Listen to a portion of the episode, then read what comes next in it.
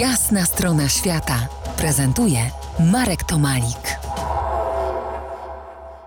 Po jasnej stronie świata Szymon Springer, który z początkiem stycznia próbował podążać śladami Roalda Amundsena.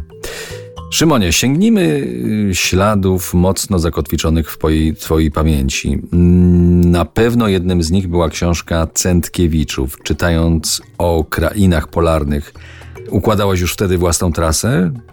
Poczułeś się jak dziecko, które może wszystko i, i bezkarnie? Na pewno poczułem ten zew bycia dzieckiem, bo uruchomił się, ja to zawsze mówię, że każda podróż y, zaczyna się dużo wcześniej i w, moj, w moim przypadku było właśnie tak po przeczytaniu książki Centkiewiczów, kiedy już czułem, że to ziarenko zostało w głowie zasiane i ono powoli, powoli kiełkowało. Naszą podróż rozpoczęliśmy w Finse. Y, Jest to najwyżej położona stacja kolejowa w Norwegii na wysokości 1222 metry nad poziomem morza. Dociera tam tylko kolej.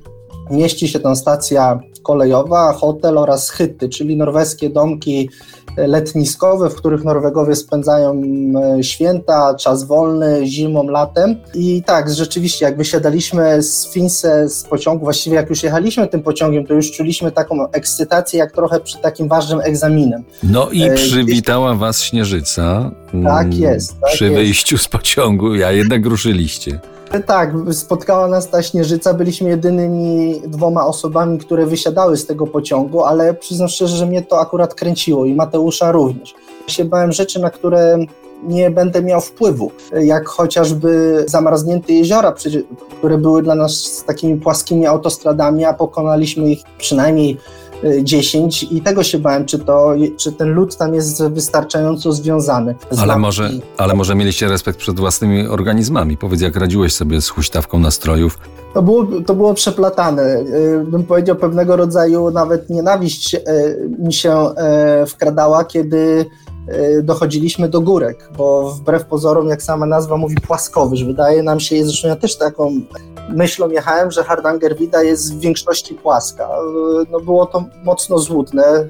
Y, Spotykało nas wiele górek y, i podejść które w nartach i z y, saniami ważącymi 40 kg jednak stanowią pewnego rodzaju wysiłek, nawet nie pewnego rodzaju, ogromny wysiłek. I ja, jak widziałem już, że dochodzimy do tej górki, to ja już wewnętrznie naprawdę przeklinałem, ja już miałem ich podziurki w nosie. Oczywiście, kiedy ja sobie to zawsze zakładałem w ten sposób, nigdy nie patrzyłem na tej szczyt tej góry. Patrzyłem, wyznaczałem sobie drobne punkty po drodze i mówiłem, do tego kamienia. Dobra, jak doszedłem do tego kamienia, to mówiłem, dobra, to do następnego kamienia. Ja musiałem sobie tę górę podzielić na małe kawałki, po to, żebym łatwiej mógł ją zjeść.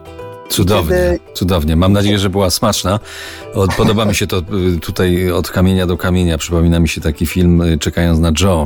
Być może część z, y, ze słuchaczy RMF Classic zna ten film, a jeżeli nie, to absolutnie zachęcam do obejrzenia.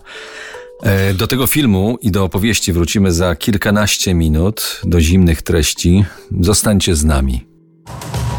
To jest Jasna strona świata w RMF Classic.